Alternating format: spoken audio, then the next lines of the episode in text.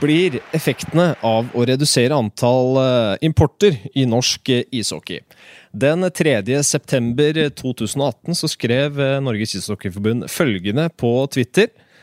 Forbundsstyret avholder i kveld styremøte. Et av kveldens vedtak er at NIHF ved administrasjonen starter opp arbeidet med å redusere antall utlendinger i prestasjonsdelen.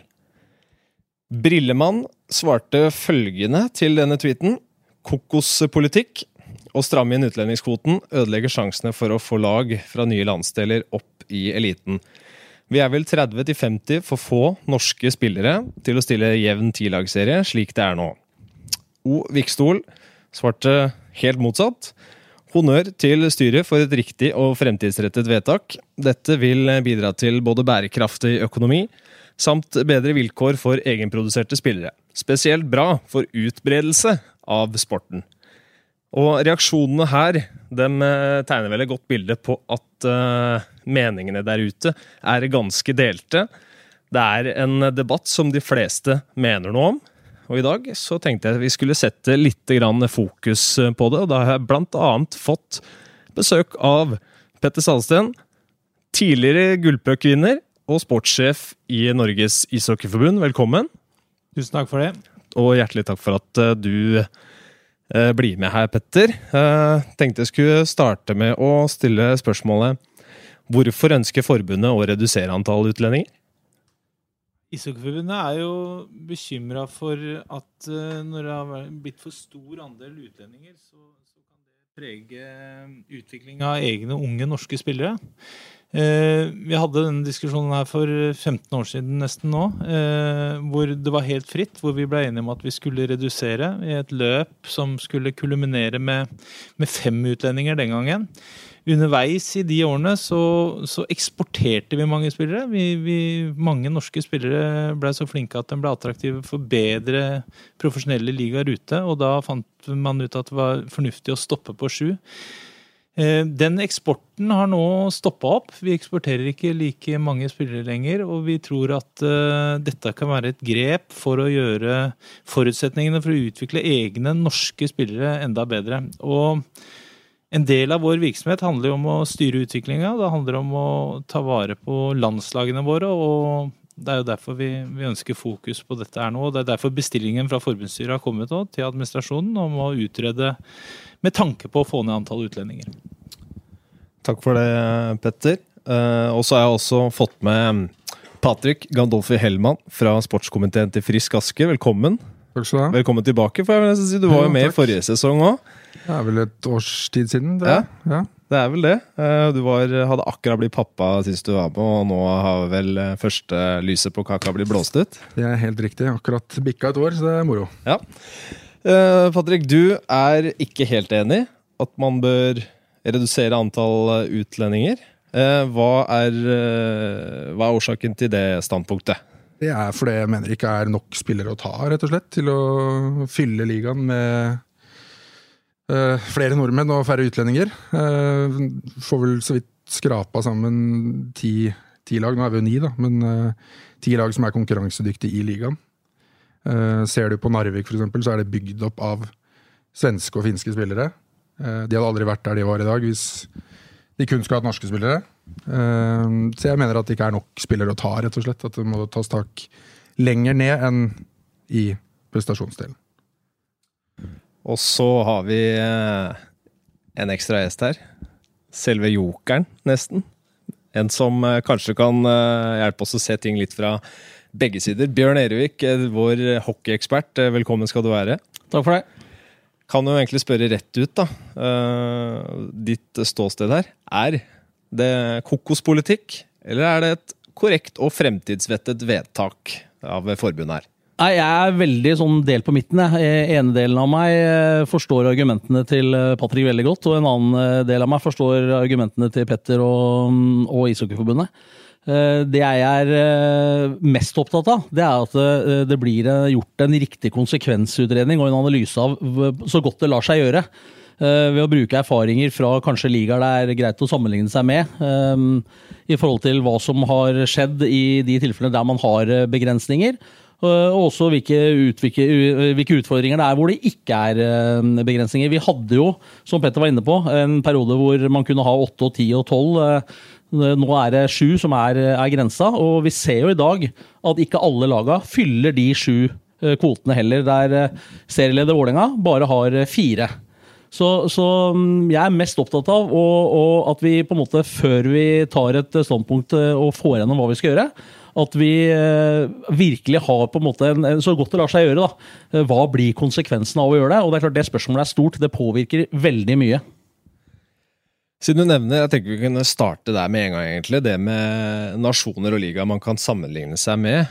Petter, dere jobber jo med det her hver eneste dag eh, i, i, forbundet. Eh, har dere noen tydelige eh, liksom, føringer og, og, nasjoner som man sammenligner seg med. Noen ligaer. Jeg vet jo, altså Et land som ofte kastes inn i diskusjoner, er Sveits. Men det er vel en eh, hockeynasjon med to helprofesjonelle ligaer, er det ikke det? Jo, det er riktig. Eh, Sveits blir dratt fram som en sammenligningspunkt. Jeg syns det er litt urettferdig for norsk hockey. Det er en helt annen økonomi, det er en helt annen struktur i Sveits. De har begrensninger på utlendinger, har hatt det i mange år. Eh, ligger på fire. De diskuterer å øke til seks fordi at lønningene på de sveitsiske spillere har tatt av. Jeg ser at noen bruker det som et argument og litt sånn fryktbilde på hva som kan skje her. Jeg òg brukt argumentet om at ved å gå ned på antall utlendinger, så vil de norske spillere tjene for mye. Det klarer jeg ikke å ta helt på alvor. Eh, jeg vil gjerne se norske spillere under 25 som skal utvikle seg, som de norske klubbene mener tjener for mye i dag. Eh, det er svært få under 25 som har dette som heltidsjobb. Vi skal ut og prestere på helt topp internasjonalt nivå, og vi mener altså at vi skal klare å få fram dem ved at de er semiprofesjonelle og har en jobb ved siden av når de skal konkurrere mot topprofesjonelle både spillere og systemer. Det henger ikke helt på greit for meg. Nå er det sånn at I Sveits også har de restriksjoner. De har to i ligaen under. De har til og med forskjell på ligaen eh, oppe, eh, den toppligaen og B-ligaen. Så når Klåten i år spilte kvalifisering, så fikk de ha flere utlendinger på laget enn de som skulle kvalifisere opp. Eh, så det er, ulike, det er ulike kvoter overalt. Sverige er et av få land som har helt åpent, men de har jo en ekstrem rekruttering og en ekstrem spillerutviklingsmodell. De er kanskje best i verden på å utvikle spillere. Finland har kvote som er lavere enn oss. Eh, Tsjekkia har det, Slovakia har det, Ungarn har det. Tyskland er høyere enn oss, Frankrike er høyere enn oss. Så vi ligger omtrent midt i, men jeg tror at vi må gjøre noen grep hvis vi skal henge med. Et av de grepene er å gi noen signaler om at vi satser på egne norske. Og vi ønsker også å styre pengebruken litt. Det er fort gjort å, å, å ty til quick fix. Å hente utlendinger er quick fix. Alle vil vinne. Det er trøkk på de som styrer klubbene. Vi ønsker på en måte at de skal jobbe litt mer langsiktig og investere i morgendagen også, og det er norske spillere. Patrick, du kan egentlig få, få fylle på litt her. Hvem er det vi bør sammenligne oss med? Eh, mitt Altså, mine første tanker er egentlig Danmark. Eh, hvis du ser på ligaene, så er vel de omtrent samme nivå. Det ser du også på treningskampene som har vært i år. Blant eh, ja, Det var veldig mange Gateliga-lag som reiste over. Eh, de har vel 80 importer per lag der. Eh, samtidig så produserer de jo ekstreme mengder med talenter som ikke engang spiller i Metalligaen, men som ja, ja, drar tidlig til USA, Canada. Jeg var i Minnesota i april. Eh, så en kamp i NAHL, som er vel den nest høyeste juniorligaen der borte. Da var det fire importer, to på hvert lag. Alle fire var danske. Eh, så Danmark er vel det laget jeg, eller landet jeg ville sammenlignet norsk hockey med. Vi bare fyller inn, vi Jeg er enig i Danmark er voldsomt Danmark er det landet i verden med flest NHL-spillere i forhold til ishockeyspillere. Så, så, de har gjort noe riktig. og Så spørs det om det er som følge av systemet i Danmark, eller at spillere har dratt ut tidlig. Når vi så på sammenligningen av Norge og Danmark for noen år siden, eh, jeg tror det var årganger på midt på 86-modeller og starten av 90-tallet, to forskjellige, så viser det seg at de aller fleste av de danske som har lykkes, de dro ut som 14-15-16-åringer. Enten først i Sverige, veldig mange, og utnytta systemet der. Og i seinere år har de reist til USA og Canada. Så om de er en del av den danske modellen, eller om de har eh, en eller annen mentalitet eller fått et rykte, eller i hvert fall gjort sine saker så bra at når de drar ut, så blir de der. Og så lykkes de etter hvert. Det er det vi så når vi så på de ulike. Ja, det er klart, Den diskusjonen der har vi, alle vi som er glad i norsk hockey, diskuterer jo dette her eh, håper si, i de miljøene vi, vi er i til vanlig. Jeg kan bare si, det er ikke meningen å avbryte, Bjørn. Jeg skal bare si den med ungdommer og veien opp osv. Den uh, tror jeg vi kan ta i en annen Ja, time. det kan vi helt sånn sikkert gjøre. uh, Men jeg tenker at det går, det går liksom, liksom på sosiale, sosiale forhold også. At det har, da, da sier man liksom Er det sånn at norsk ungdom ikke tar sjansen på å reise ut? De har det for godt her hjemme. Det blir litt puter under arma-holdning på, på mange som ikke håper å si, tør å reise fra mors kjøttkaker osv. Som du sier, det er en, en, en, enda en diskusjon som vi kan ta en seinere pod, Jonas. Men men, for å gå litt tilbake igjen til, til det Petter var inne på, inne på i forhold til om norske spillere kommer til å, å koste for mye, som jo da har blitt utfordringa i Sveits. Hvis vi forutsetter at uh, pengesekken til hver klubb er den samme som den er nå når det er sju utlendinger. Uh, hvis man bare gjør det med å begrense utlendingene, og ikke samtidig for sier at man er nødt til å ha én eller to spillere i en tropp på 22 eller et eller annet innenfor et eller annet alderskull, for å bare bruke et eksempel. Tenker du da, Petter, at hvis, hvis man har så og så mye penger, og så får man lov til å handle to utlendinger mindre, så tenker du at de penga der sånn blir brukt til å legge på de yngste spillere? Eller tenker du at de klubba som har størst økonomi, vil bruke de pengene på å hente andre gode norske spillere til å erstatte den samme kvaliteten som eh, de utlendingene de ikke lenger får lov å hente, i andre mindre klubber? Ja, jeg tror det er riktig, det du sier. Eller jeg skal i hvert fall ikke sette meg til dommer over hva klubbene hvordan de Jeg er redd for det, nemlig Ja, at det er det som blir konsekvensen. Da får vi en enda større kallet, differanse mellom de si, klubbene med mindre økonomi og de med større økonomi. Men dynamikken er jo ikke noe forskjellig om du er sju eller fem. Altså Prinsippet er jo akkurat det samme. De gjør de samme i dag. Eh, De bruker de pengene og styrer dem sjøl. Jeg syns ikke det er et gyldig argument for å, for å kutte utlendinger. Eh, Jeg tror at norske klubber, og heldigvis er vi inne i en positiv trend. Vålerenga investerer i sitt eget U21-lag. Stavanger har gjort det i mange år. Eh, Storhamar begynner å komme. Sparta begynner å komme. Så de har innsett at vi må investere i utvikling, investere i framtid for å være konkurransedyktige. Eh, Og det er vi glad for. Så jeg tror at med et sånt signal, så, så her går det både til klubbene, men det går også til de norske spillerne. For det er helt opplagt at vi mangler noen stiger, noen trinn i stigen vår. Når folk går ut av U21-laget, så er det tøff konkurranse å slå seg inn i et A-lag. Den tilliten som du må ha over litt tid for å slå deg inn, er det ikke sikkert du får fordi at klubben er pressa på resultat. Så vi mangler noen trinn der som jeg tror et sånt signal kunne vært med på å tette. Samtidig så er det Jeg syns altså Når jeg jobbet i Tønsberg da, i første divisjon, og vi var et topplag, og vi skulle i norske spillere, så ringte vi faktisk ganske mange U21-spillere fra ja, Vålerenga, eh, Frisk og ja, klubber eh, rundt omkring. Eh, men de, liksom, de ser ned på førstedivisjon, da. Så de må ha litt tålmodighet. og Det er ikke, det er ikke bare å hoppe rett inn i Gatlingon og forlange plass fordi du er poengkonge på U21-laget, liksom. Det, ja, det er mer ting som må tas tak i enn Ja, eh, poenget mitt var mer at eh, jeg tror at eh, hvis du har et bra U21-lag, så dyrker vi de offensive spillerne. Det, det er naturlig. Og når den offensive U21-spilleren skal slå seg igjen i eget A-lag, så skal han konkurrere med offensivt gode spillere. Der er det utlendinger i dag. Jeg så på NM-finalen i fjor. Når det var jevnt på slutten av kampa mange nordmenn tror dere var på banen da? Når, når kampa skulle avgjøres? Jeg veit at det, det, var en, det var et, gjort et eller annet flyfoto, eh, Storhamar-Lillehammer, i en eh, jeg lurer på om det var et powerplay-situasjon for Storhamar, hvor de fem Storhamar-spillerne var utlendinger, og de fire Lillehammer-spillerne var utlendinger.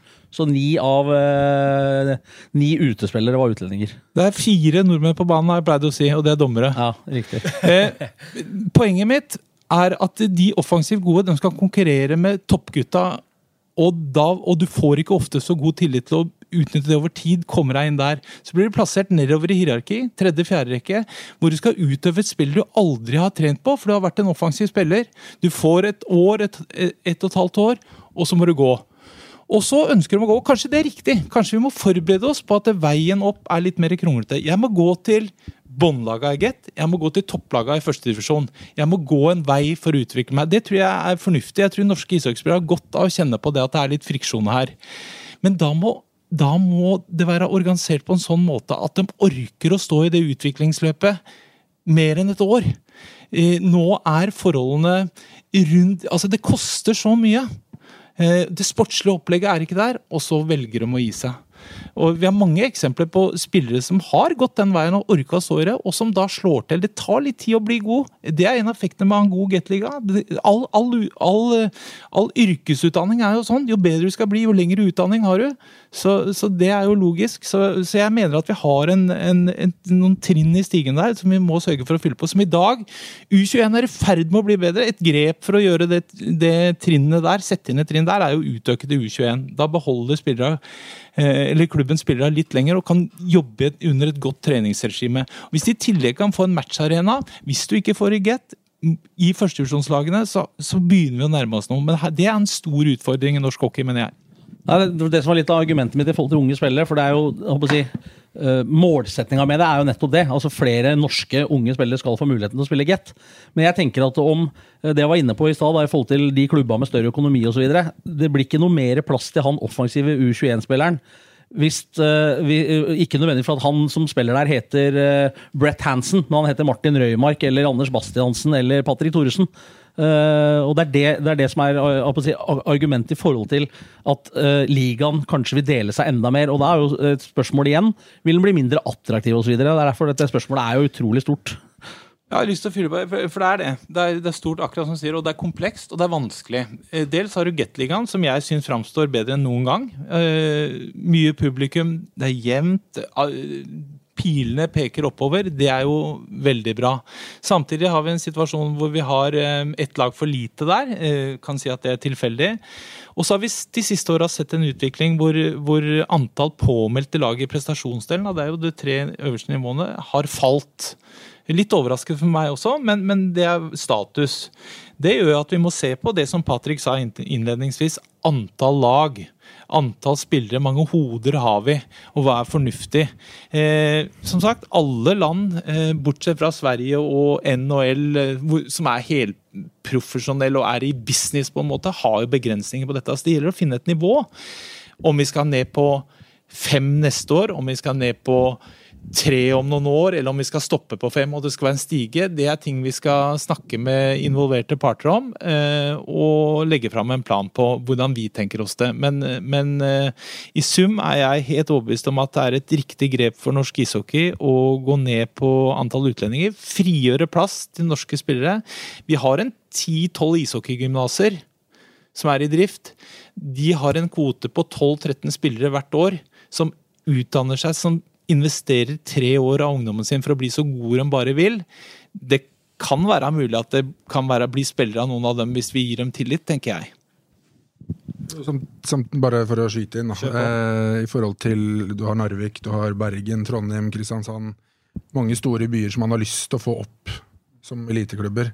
Hvordan skal man få de lagene opp i eliten uten å ha utenlandsk arbeidskraft? Det er jo ingen gode nordmenn som reiser til Kristiansand og spiller tredjedivisjon for å spille opp klubben. Altså, Stavanger er jo et uh, prakteksempel på det. Uh, Jari Kesti og de gutta som spilte de oppover uh, systemet, de hadde jo aldri fått til det med kun norske spillere. Nå sier jeg ikke at du kun skal være norske, men færre antall. da. Jeg tror det blir vanskeligere for å få opp de, de klubbene. Og også rekruttering, for de yngre gutta må ha noen å se opp til.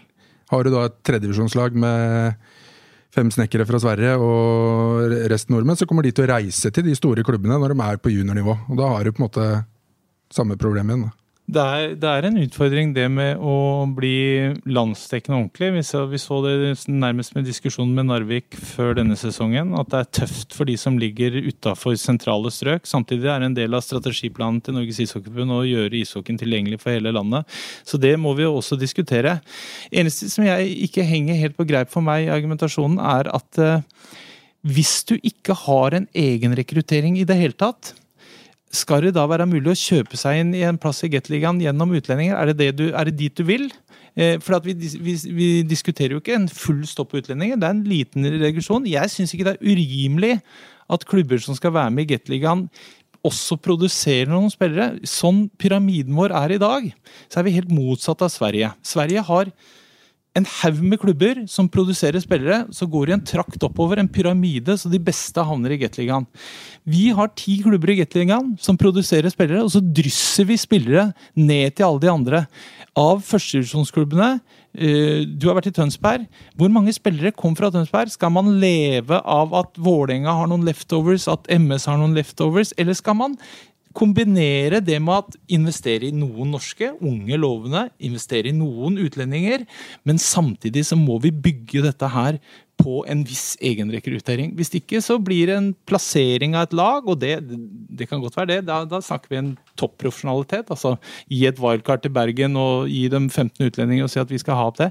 Da er en businessmodell mer Norges ishockeyforbundsanliggende er også Vi er en del av den norske idrettsmodellen, så vi skal tilhøre den også. Og vi er en del av den inntil videre. Jeg er jo enig i mye av det du sier. Nå tenker jeg mer på hvis man vil ha de store byene opp i Eliteserien, som man har snakket om veldig lenge. Jeg tror det blir vanskelig for de, de lagene. Hvis du ser på, ser på Narvik, da. Én ting er at de har syv utlendinger, men de har sikkert eh, tre, fire, fem som har fått norsk pass i ettertid. Eh, og Det er jo sånn de på en måte har bygd seg opp fra å spille ja, var det svensk tredjedivisjon eller sånt nå, og bygd seg oppover. Det, det, var de pent nødt til for å komme seg oppover. Ja. Ja, det, det, er et gyldig argument. Jeg ser det. At, at, for nye klubber Du nevnte Kristiansand, Haugesund, Tromsø, Narvik. Eh, ligger langt unna nærmeste nabo, for å si det sånn. Eh, og en relativt ung klubb i, unge klubber i norsk sammenheng, så er det klart at det, det, tar litt tid. Det tar litt tid å bygge en ishockeyklubb, og det skal det kanskje gjøre òg, for å få ordentlig substans i det, tenker jeg. Eh, uten at, eh, men jeg, jeg, tror altså det er mulig å kombinere. En kombinasjon av egenrekruttering mener jeg må være der. Og så da rekruttere norske spillere og en visst antall utlendinger, men den kan være mindre enn i dag, mener jeg det er jo et, uh, altså en, en, tosidig debatt. Uh, uansett, ikke bare fordi meningene er delte, men fordi det for meg så kan det til tider Det handler om to litt forskjellige ting. På ene siden så har du nivået på Gateligaen, hvor bra det er. Uh, og så har du nivået på norsk ishockey og utviklingen der generelt, som kanskje er et litt mer langsiktig perspektiv i denne debatten her, tenker jeg. mange har jo, når jeg spurt etter litt uh, reaksjoner fra, eller meninger fra folk her. Eh, tok fram det at vi har bare ni lag i Gateligaen akkurat nå. Uh, det er jo et resultat av at Lørenskog ikke ble gitt lisens eh, pga. vedvarende økonomisk trøbbel, og det hadde jo vært vart over mange år. Uh, ikke den første klubben som sliter økonomisk. Og det har vært en gjenganger i det her, at man har brukt penger man ikke hadde. Uh, vil ikke det å redusere antall utlendinger Patrick, sørge for at dette skjer med færre klubber? At man eh, ja, bruker eh, mer enn man har?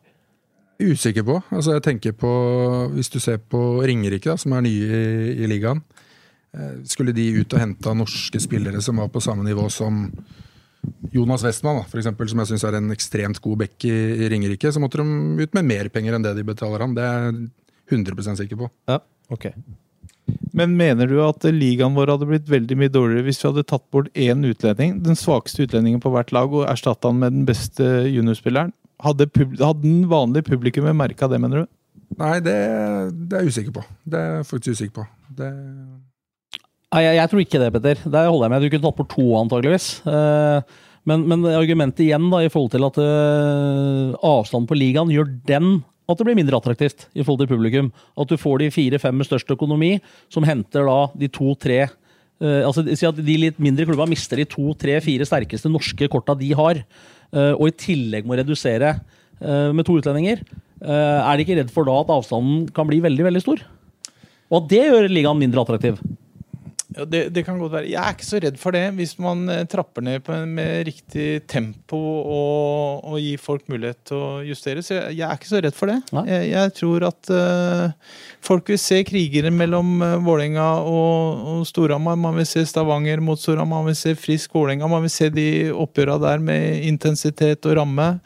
Eh, jeg, tror ikke, jeg tror ikke nivået kommer til å dette ved å, ved å fjerne en eller to utlendinger over, over en viss tidsperspektiv. Det er, jeg ikke urolig for i det hele tatt. Eh, hvis det er sånn at Og så mener jeg det jeg sa om lønninger. Jeg, jeg mener vi er langt unna at det er noe fare for at unge norske spillere tjener for mye ja, men det penger. Tror ikke jeg, og det var derfor jeg sa det jeg sa. Jeg sa de pengene blir kanskje da brukt på bedre norske spillere fra andre klubber, eller kanskje hente flere nordmenn hjem, som bl.a. Vålerenga har gjort i år. Ja, vi har jo altså, Og Frisk for så vidt, med Frøshaug og Røymark til Vålerenga. Det har vært trange økonomiske kår for ishockeyklubber, men man prioriterer eh, det sportslige gjennom spillere i mye større Det er min påstand, da.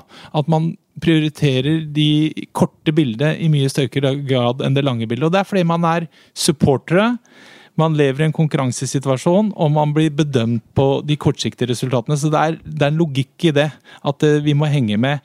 Men da kan kanskje sånne signaler være med på å hjelpe klubbledelsen. For det er dette det handler om. At klubbledelsen gjør noen valg, tar noen grep, velger å investere i litt mer langsiktige Og Det er da jeg tenker at man kanskje må ha to tanker i huet på en gang. for hvis man da, eh, Det var en diskusjon her om det kom opp, jeg husker ikke hvilken sammenheng det kom opp, og hvem som la det på bordet. Dette med minstelønn, var det NISO eller et eller annet som kom opp med et forslag om minstelønn ja. for Gateliga-spillere? Og det er klart at Hvis man skulle innføre det, og pengesekken fortsatt er, er eh, som man er, da har man hatt to tanker i huet på en gang, og vil situasjonen være helt annerledes. Da tror ikke jeg For jeg tror du har helt rett at folk vil se Storhamar og Vålerenga, frisk uh, allikevel. Uh, fordi om det er fem eller sju utlendinger, det tror jeg du har helt helt rett i. Men jeg tror ikke nødvendigvis at de ekstra pengene som blir frigjort ved at utlendingene er færre, kommer de norske unge spillere og deres arbeidshverdag til gode, uten at det kanskje legges noen føringer på det òg. Hvor havner de hen, tror du? Jeg tror de havner enten på fem bedre utlendinger. Er det dumt? Ikke for ligaen. Eh, men du, har fortsatt ikke mer, du gjør fortsatt ikke arbeidsland til de unge spillerne uh, noe bedre. Og hvis de havner på to norske landslagsspillere, f.eks. til Storhamar bytter ut to, uh, to, to, utlendinger med to norske landslagsspillere i 30-åra eller slutten av 20-åra, så bedrer heller ikke det arbeidsforholdet for U21-spillerne til Storhamar i kampen inn i, i Storhamar. Men nå vi så, nå, men bare kort, ja. nå er vi så heldige at vi har en sportssjef her, da, så vi kan jo spørre hva den brukt penga til? Nei, altså, For først er jeg ikke sportssjef, og det jeg sier her er min private mening. Det er ikke noe debatt vi har hatt oppe i Frisk ennå uansett. og Der er det flere som bestemmer, så det, det blir en, en, diskusjon der. Men jeg er, er vel like delt? Uh, ja, men jeg, jeg, er enig med det Bjørn sier. Jeg tror pengene går til eh, bedre utlendinger. Eller bedre nordmenn, for det kommer til å gå nedover. Altså Du har Storhamar og Stavanger, som er eh, de to rikeste klubbene, de kommer til å hente de beste til Frisk og Vålerenga og, og Sparta, og så forplanter det seg nedover. Og Da tror jeg nivået mellom topp og bunn kommer til å bli enda større. Vil eh, minstelønn eh, fikse det problemet litt? Minste, ja, jeg tenker at minstelønn har de jo i fotball, tror jeg. At det er et sånt krav at du må ha så og så mange på altså del av, Nesten som en del av klubblisenskravet. At du må ha så og så mange på kontrakt, og, og alle skal ha da over minstelønn. Og, og, i Sverige er det sånn at har du så og så mye istid, så, så, må du tegne en kontrakt som inneholder de og de rammene. Eh, det sikrer jo spillere, og det sikrer jo at klubbene ikke kan utnytte unge spillere som bor på et sted, for, for de vet at det er det viktigste og kuleste i verden å få være med A-laget, men det, sikrer noen rettigheter, og det sikrer muligheten for dem til å satse. Eh, så det kan jo være et, et, verktøy. Nå er det jo ekstremt store forskjeller i Gateligaen. Du har jo Stavanger som omsetter for 100 millioner, og så har du lag som har 3-4 millioner i omsetning. Så, så, det er vanskelig å sette noe Det taket blir sannsynligvis såpass eh, lavt da, for å få med alle at eh, jeg vet ikke om det vil ha noen sånn stor effekt, men, men det ja, men du kan, diskutere. prosent av et sportsbudsjett, og så må det være mer transparent. Altså, vi, I Gateligaen er det masse løsninger. Folk er ansatt hos arbeidsgivere, og man finner sikkert noen som kan lure de penga ut for å, for å Vi har mye lavere sportsbudsjett enn det som hadde reelt uh, sett. Jeg husker uh, en av de første sesongene som uh, TV 2 hadde rettighet til norsk ishockey. Ehm, så diskuterte jeg det med tidligere kollega Morten Langli, som da hadde lang erfaring fra fotballen. Og han var jo utrolig opptatt av hvorfor det var så lite transparent, hvorfor det var så mye løsninger i forhold til folk jobba der. og for man, man skulle komme opp med en rangering, typisk da ligaens beste trener. Ja, klart, Er du eh, trener for et lag som har 50 millioner kroner, og, og du blir nummer én, og det er bare to lag i serien, og det andre laget som blir nummer to, dem har én million. Altså, bare for å sette det på spissen, og Han var utrolig opptatt av det og syntes det var merkelig at ikke, at ikke det kom større grad fram. Hvor det er lettere å se ok, her er det en trener som har langt dårligere ressurser å jobbe med. Det er årets trener, ikke nødvendigvis han som blir nummer én eller to på, på tabellen. Eh, og Det var en sånn type diskusjon vi, vi hadde på, på kammerset. og det er klart at Da kan man ha en si at uh, du skal ha spillere som har minimum prosentvis av det totale budsjettet. Eh, for å komme utenom det du akkurat var opptatt av, eller som du var inne på nå, Petter, at den, den nedre grensa blir så veldig lav for litt mindre klubber. og ja. Det, er, ikke gjennomtenkt fra min side. Det eneste jeg tenker er at Vi mangler folk til å utvikle sporten. Vi mangler operative folk til å jobbe med spillerutvikling. Eh, vi snakker om folk er flinke til å hente utlendinger hit og dit. Hvor mange jobber med spillerutvikling som logistikk i egen klubb? Skal vi heller bruke penger på å ansette folk som skal passe på hvor store prosent det er i forhold til lønn, så, så skriker noe i meg. Vi trenger ressursene til å utvikle spillere, og da tror jeg det, sånne ting blir kosmetiske ting eh, i det store og hele, da. Kan vi kanskje ta runden her, da? For jeg har tenkt på akkurat det samme. Jeg har, jeg har eh, prøvd å gjøre litt lekser til den her, og snakka med litt trenere i Yngres avdelinger i noen ulike klubber. Jeg har fått litt synspunkter der. Eh, mange mener jo at, at klubber har en tendens, så fort de har litt penger å rutte med, tenker for mye på resultater, tenker på kort sikt eh, at det er neste matchen som er den viktigste. Og det skjønner jeg veldig godt, fordi både trenere og spillere sjøl måles på resultatene. Så enkelt er det. Eh, det gjør helt sikkert du også, Patrick, og føler garantert det. Eh, det er også en gjenganger også, hvor man føler, som du var inne på i stad, Petter, at selv om en spiller får prøve seg, så er det en forskjell på det å få noen forsøk og det å ha tillit. Altså muligheter over tid. Eh, men dersom man kutter to importer, da, så ser jeg for meg at veldig avhengig av hva slags klubb det er, at man sparer et sted kanskje mellom ja, alt fra 600 000 opp til halvannen million eller noe sånt eh, på spillebudsjettet. Helt sikkert litt forskjeller på, på det også på topp og bunn, men skal vi si, da Hvis dere hadde fått en million ekstra å rutte med. Skal vi ta runden her? Hva hadde du brukt det på? Hadde du brukt det på bedre og dyrere importer? Investere i unge spillere, altså gi dem litt mer penger? Uh, investere i støtteapparatet til enten Get-laget eller uh, Yngres? Uh, spillerutviklere i klubber? Eller heltidsansatte trenere på, i Yngres avdeling? Ordet fritt. Ordet fritt, vær så god. Nei, jeg jeg, jeg syns jo du ramsa opp en smørbrødliste som er musikk i øra mine, alt du sa der. Eh, Problemet er at man har én million. Ja, jeg Den går fort. Men jeg tror det er helt riktig som du sier, at det, det er der omkring det ligger, og at det er store forskjeller. Og så spørs det om man skal satse på én ting, eller om man skal smøre med den faren at det blir smørt for tynt utover. Eh, det jeg er helt sikker på, er at eh, skal vi klare å, å ha en struktur og et system som skal utvikle internasjonale toppspillere som er i tråd med det våre målsetninger er for norsk hockey, nemlig å være blant de åtte beste i verden, så gjøres ikke det etter jobben klokka fire eh, i bilen, sette opp en trening og så ut og trene et juniorlag. Når de vi skal konkurrere mot, driver topprofesjonelt med heltidsansatte. Altså går til hvem som helst toppklubb i Sverige, så har de én og to heltidsansatte på juniorsida.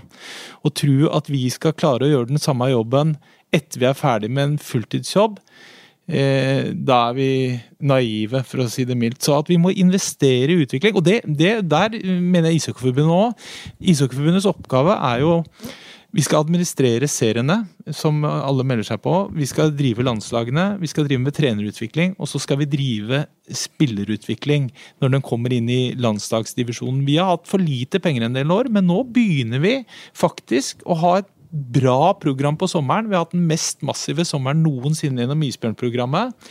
Vi fyller alle de internasjonale vinduene, og vi er i ferd med å få på plass U17, U19, U25-landslag. Så vi har gjort mye som jeg er veldig veldig godt fornøyd med. Det vi mangler, er operative ressurser til å komme ut og hjelpe klubbene i spillerutviklingsdelen. Og så er det også sånn som hører til det, da, at uh, for å ha noen å utvikle der, så må det være nok i bånn. Så vi må rekruttere nok, så vi har noen å forme når vi kommer opp på. Det er også en del av dette veldig komplekse bildet. Men jeg ville sett for meg investering i eh, det U18, U21-segmentet for å berede grunnen for at de skal ta steget inn i A-lagshockeyen. Der er jeg helt enig. Uh, Du er jo en fan av college-hockeyen college over i Nord-Amerika, og veit det, Patrick. Og der ser man jo også hvor, hvor, mye de investerer i dette. Da. Det er selvfølgelig det er to helt, forskjellige forskjellige verdener. Da. Det er, jo, altså det er jo mer penger i college-hockeyen enn det er i Gateligaen, for å si sånn, så det er jo en helt annen verden. Men jeg er helt enig i det. At uh, man må investere i yngres for å få opp toppene. Uh, jeg tror Altså, legg heller penger der, holdt jeg på å si, men du trenger ikke å kutte utlendingene for det. Altså, litt tilbake på det jeg sa i forhold til de mindre klubbene. Så er det vanskeligere for de å få inn en nordmann til samme pris som du får for en ung svenske. da. Eh, men da må man heller se på f.eks. TV-avtalen, altså hva man får betalt der. Om det skal om man skal gjøre noe deal der, om at det skal plasseres i U21, U18, uh, sånne ting. Men det er, det er, der jeg mener vi bør ta tak. Altså i de yngre. Det er jo der vi faller fra. Mm. Ja. Og var vel i CVM eller noe sånt med, med U20. Det er jo tydeligvis der vi faller av. For det, ettersom jeg har lest, da, nå følger ikke jeg så veldig mye med på barnehockey, men vi er jo på nivå eh, opp til er det U16 eller U18 som jeg har fått med meg, og så ramler man litt av. Hva er det som skjer der? Men det er sikkert litt innpå det du, du sa i forhold til profesjonalitet med trenere og, og sånne ting. Jeg vil, vil lyse filmen, for vi, vi rykka ned til C. Det, det, jo, det, høres så fælt ut med C. Jeg har spilt i C-VM en gang, og det var i Spania i 85. Men, men det er altså nivå tre vi er på, på U20, og så klarte vi å rykke opp igjen. Jeg tror mange trodde at det er bare å dra ned og rykke opp. Det var et straffemål som gjorde det. Vi skal ut og spille et U20-VM nå på nivå 2, og vi skal ha U18-VM på nivå 2 hverdagen der Jeg har sett mange VM de siste åra. Hverdagen der er at vi kan like gjerne rykke ned som opp. Vi er nærmere å rykke ned enn opp. Det er en endring også som har grobunn dette forslaget fra forbundsstyret. For at det, Eh, for noen år siden så, så var vi AVM på U20 ikke veldig ofte. 93-94-årgangen eh, var de siste som rykka opp eh, i A-nivå. Men på U18 så var vi nokså gode. Nesten annethvert år så rykka vi opp i A. Det er en stund siden nå. Det er 95-96-årgangen hadde finale mot Danmark nede i Italia. Det var Klavestad og de spillerne der i Sparta. Ja. mot Ehlers og den gjengen der i, i Danmark. Og vi tapte 6-3 i finalen. Etter det har vi ikke vært i nærheten av å kjempe om opprykk, sånn sett. Konkurransen på den internasjonale arenaen den er beinhard, og den blir bare tøffere og tøffere. Polen kommer, Ungarn kommer, England UK rykka opp til Apulia nå, kan le av det, men, men de kommer. Svære arenaer, investerer. Så eh, det er en liten sånn heads up eh, i dette her òg, at eh, vi trenger å ta noen grep. Hva skal vi gjøre? Og jeg tror det som, og det er jeg utrolig glad for, for det har, jo, si, det har jo vært en uh, elefant i rommet som har diskutert lenge. Den, dette er med aktivitet for landslaga. Uh, og som Petter var inne på nå, med, med Isbjørnprosjektet, med langt høyere aktivitet, med U17-landslag osv., osv.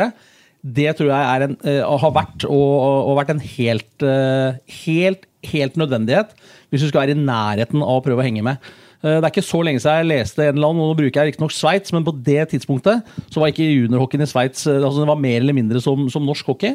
Og hvis du hadde vært på alle landslagene fra du var 16 år og opp til U20 og gikk ut, og, og, gikk veien opp og kom inn på A-landslaget, så um, tar tallet litt med klype salt, men jeg mener at en uh, sveitsisk unggutt da hadde spilt rundt 100 landskamper.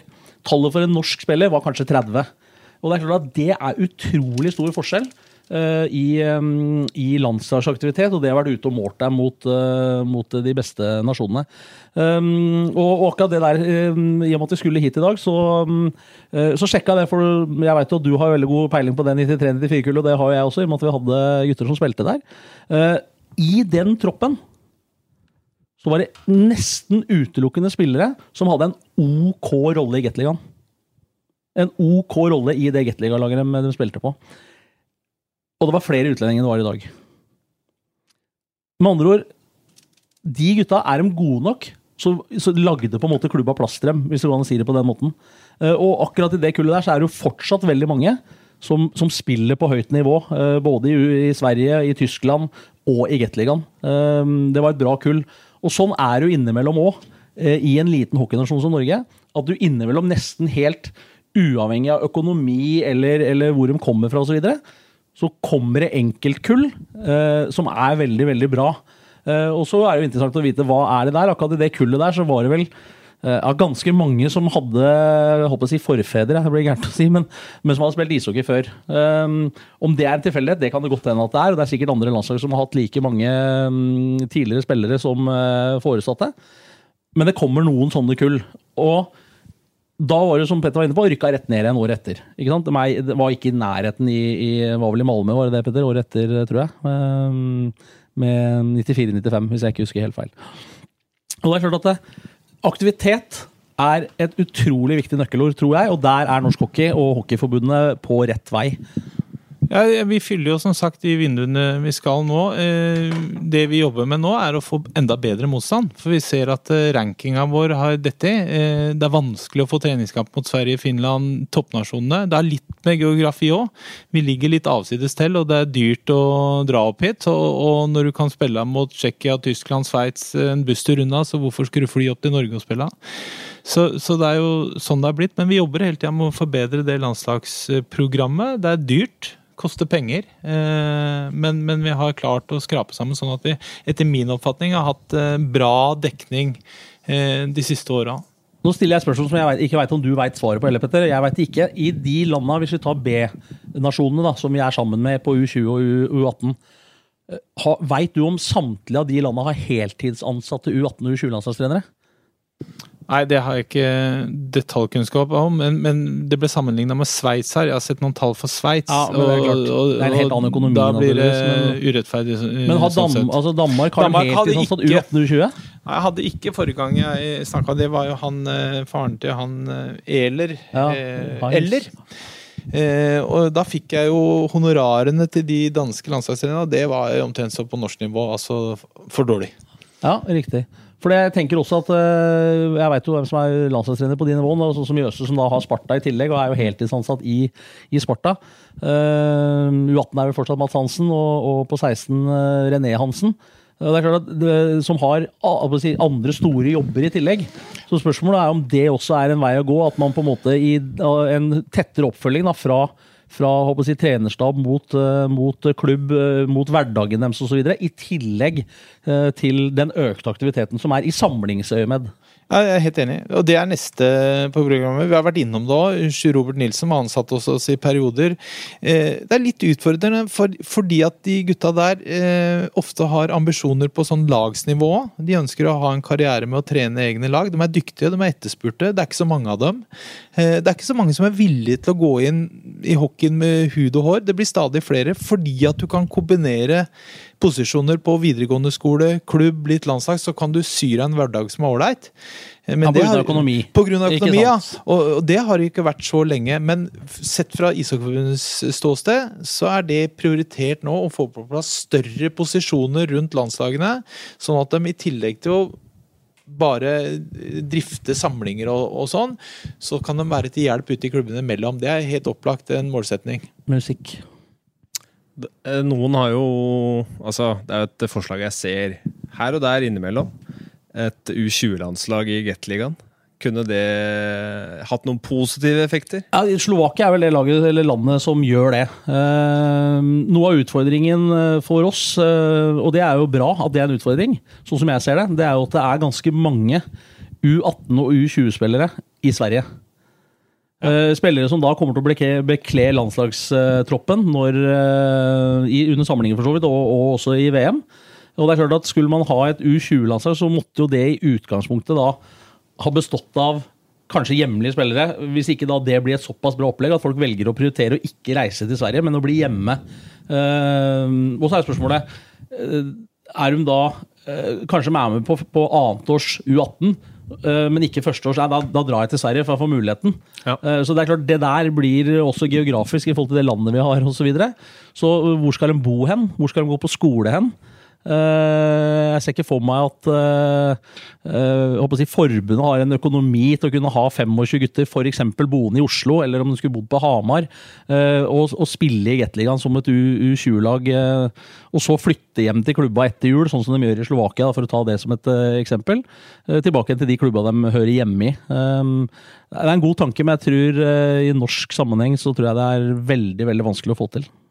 Vi diskuterte med Gateliga-klubbene for noen år siden, og det var veldig liten interesse ja. for dem. De mente at eh, det holdt ikke. Det gikk utover profesjonaliteten i ligaen. Og, og da snakka vi også om at poengene skulle telle, for ellers er det meningsløst hvis det var en treningskamp.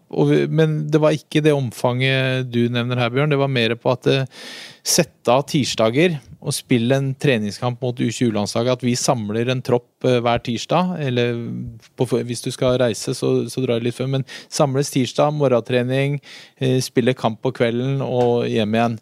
For å få kampene. Det, det, det, er vel det som kanskje det er noe realisme i, men det også vil jo koste en god del penger. Eh, og det er litt sånn kost-nytte-målinger opp mot andre samlinger.